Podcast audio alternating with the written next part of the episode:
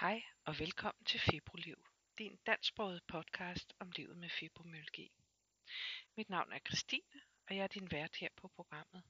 Jeg har selv fibromyalgi, og jeg er blevet motiveret til at lave den her podcast, fordi jeg synes, det altid, det eller ofte tager alt, alt for lang tid at blive udredt og diagnostiseret med den her sygdom.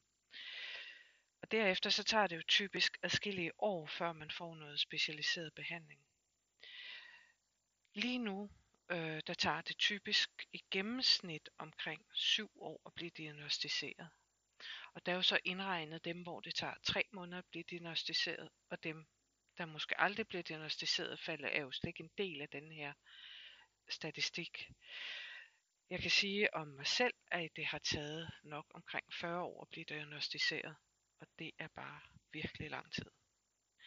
Det varierer nemlig enormt meget, hvor meget øh, indsigt de praktiserende læger har i den her sygdom.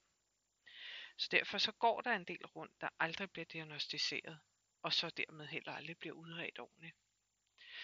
Og det er tæt på at være en sundhedsmæssig katastrofe for dem, der har fibromyalgi, fordi al forskning peger på, at jo tidligere der bliver, øh, eller man bliver diagnostiseret, og dermed jo tidligere man tager hensyn til sygdommen, øh, jo større er chancen for, at man får et liv, der er så normalt som muligt.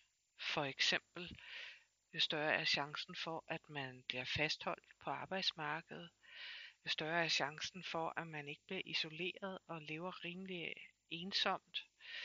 Øh, til gengæld kan man også sige på den anden side, at jo længere tid det tager, jo større er chancen for, at sygdommen bliver værre og værre, fordi der netop ikke bliver taget hensyn til den. Øh, og det er jo så blandt andet min egen erfaring, fordi jeg sidder her nu og er førtidspensioneret. Øh, og var egentlig ret glad for at arbejde. Men sådan er livet. En anden erfaring er, at øh, man har god brug for et frirum, hvor man kan hvor man kan tale om, hvordan man har det, hvordan, og hvor man kan spejle sig i de ting. Altså det er jo ikke rart altid at tale med sygdom, når man har sine venner på besøg, eller er omgivet af sin familie. Øh, så derfor så kunne det måske være godt at have sådan et forum som det her. Man har måske heller ikke altid kræfterne til at tage ud fysisk og mødes med andre, der har fibromyalgi. Og så kunne den her podcast måske være en del af løsningen. Øh, også så man ikke føler, at man er palle alene i verden, og man er den eneste, der har det sådan her. Der er andre, der har det lige sådan. Nogle har det værre, og nogle har det bedre, men du er i hvert fald ikke alene. Jeg blev selv diagnostiseret i slut 40'erne og er i start 50'erne nu. Og som sagt før, så har jeg jo haft det siden jeg var barn. Jeg har kunne se, at jeg jo, når jeg ser tilbage, har kunne opfylde de diagnostiske kriterier for fibromyalgi, lige siden jeg var relativt ung barn. Jeg er ikke sundhedsuddannet, øh, og jeg er heller ikke journalist, men jeg har en naturvidenskabelig baggrund, og jeg har også en formidlingsmæssig baggrund, som gør, at jeg tænkte, jeg vil prøve at løfte den her opgave, jeg vil prøve at lave den her podcast og se, om den kunne give mening for andre end mig selv. Da jeg jo som sagt er førtidspensioneret, så øh, vil det være meget vilkårligt, hvornår jeg kan lave de her podcast. Øh, det afhænger helt af min dagsform. Så jeg kan ikke love, hvor tit det kommer. Det vil nok heller ikke komme særlig, øh, jeg kan sige, det vil ikke være hver fredag, eller den og den dato hver måned. Det vil komme, når der er overskud, øh, og når jeg har stof nok til at lave noget. Jeg skal også sige, at jeg til hverdag er medlem af Dansk Fibromyalgiforening, men det jeg repræsenterer hverken dem eller nogen andre i den her podcast-serie. Jeg repræsenterer mig selv og min egen interesse for at finde ud af ting om den her sygdom. Og det vil gøre, at jeg vil prøve så vidt muligt at komme så vidt rundt om sygdommen som muligt. Tage afstikker ud, hvor det nu kunne være, at min egen interesse gik.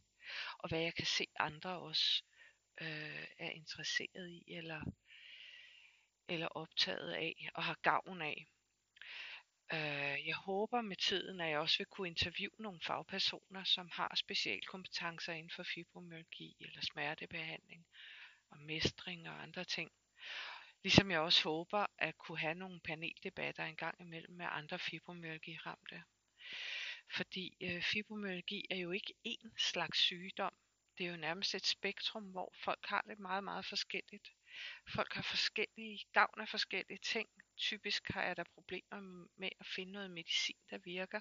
Noget virker på nogen, noget virker på nogle andre. Øh, folk har forskellige ting, de kan tåle, og forskellige funktionsniveau. Derfor så tænker jeg, at hvis der kommer andre øh, på banen og så fortæller, så vil det give et lidt bredere billede og noget flere kan spejle sig i. Det er også min plan, at hver episode kan høres uafhængigt af de andre. Øh, sådan så du kan nøjes med at vælge at høre de emner, der giver mening for dig. Fordi der vil være nogen, der lige er diagnostiseret. Der vil være nogen, der ikke er diagnostiseret endnu. Der vil være nogen, der har været diagnostiseret i mange år og har fundet en god dagsform for dem selv. Øh, jeg kan til gengæld også love, at jeg ikke vil køre podcasten i dagbogsformat. Det vil sige, det bliver ikke mig, der siger, at nu er jeg svunget op mandag morgen, og jeg har det sådan og sådan. Fordi det interesserer mig ikke, og jeg kan ikke se, hvad det skulle interessere andre. Så det må der være nogle andre, der gør, hvis det har interesse. Jeg vil hellere tage nogle emner op, der er mere generelle og har måske en større vide i forhold til os, der har fibromyalgi. Og så vil jeg jo på forhånd sige undskyld for, hvis jeg vrøvler. Det er jo en del af det her fibromyalgi, at man har svært ved at holde fokus og hurtigt mister sin koncentration. Og... Så det, sådan er det. Det er jo, jeg gør, hvad jeg kan. Øh, og med disse ord, så vil jeg egentlig bare sige, sige velkommen og håbe, at du kan finde noget inspiration til at forbedre din hverdag og få et blidere og rarere liv med den her sygdom, som jo er ret invaliderende på forhånd.